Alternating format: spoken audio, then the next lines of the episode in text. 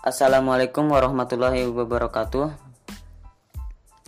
Baik, eh, selanjutnya saya akan menjawab soal nomor 4. Jelaskan pembagian tasarruf qoli goiru akdi.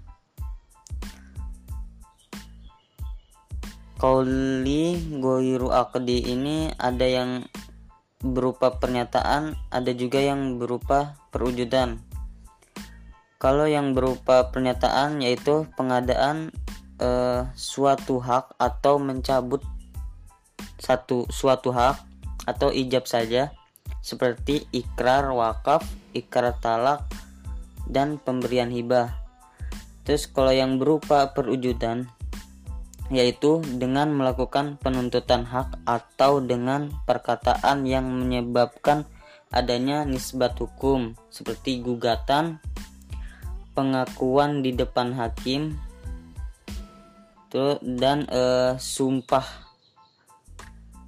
Ya uh, baik itu saja. Sekian dari saya. Wassalamualaikum warahmatullahi wabarakatuh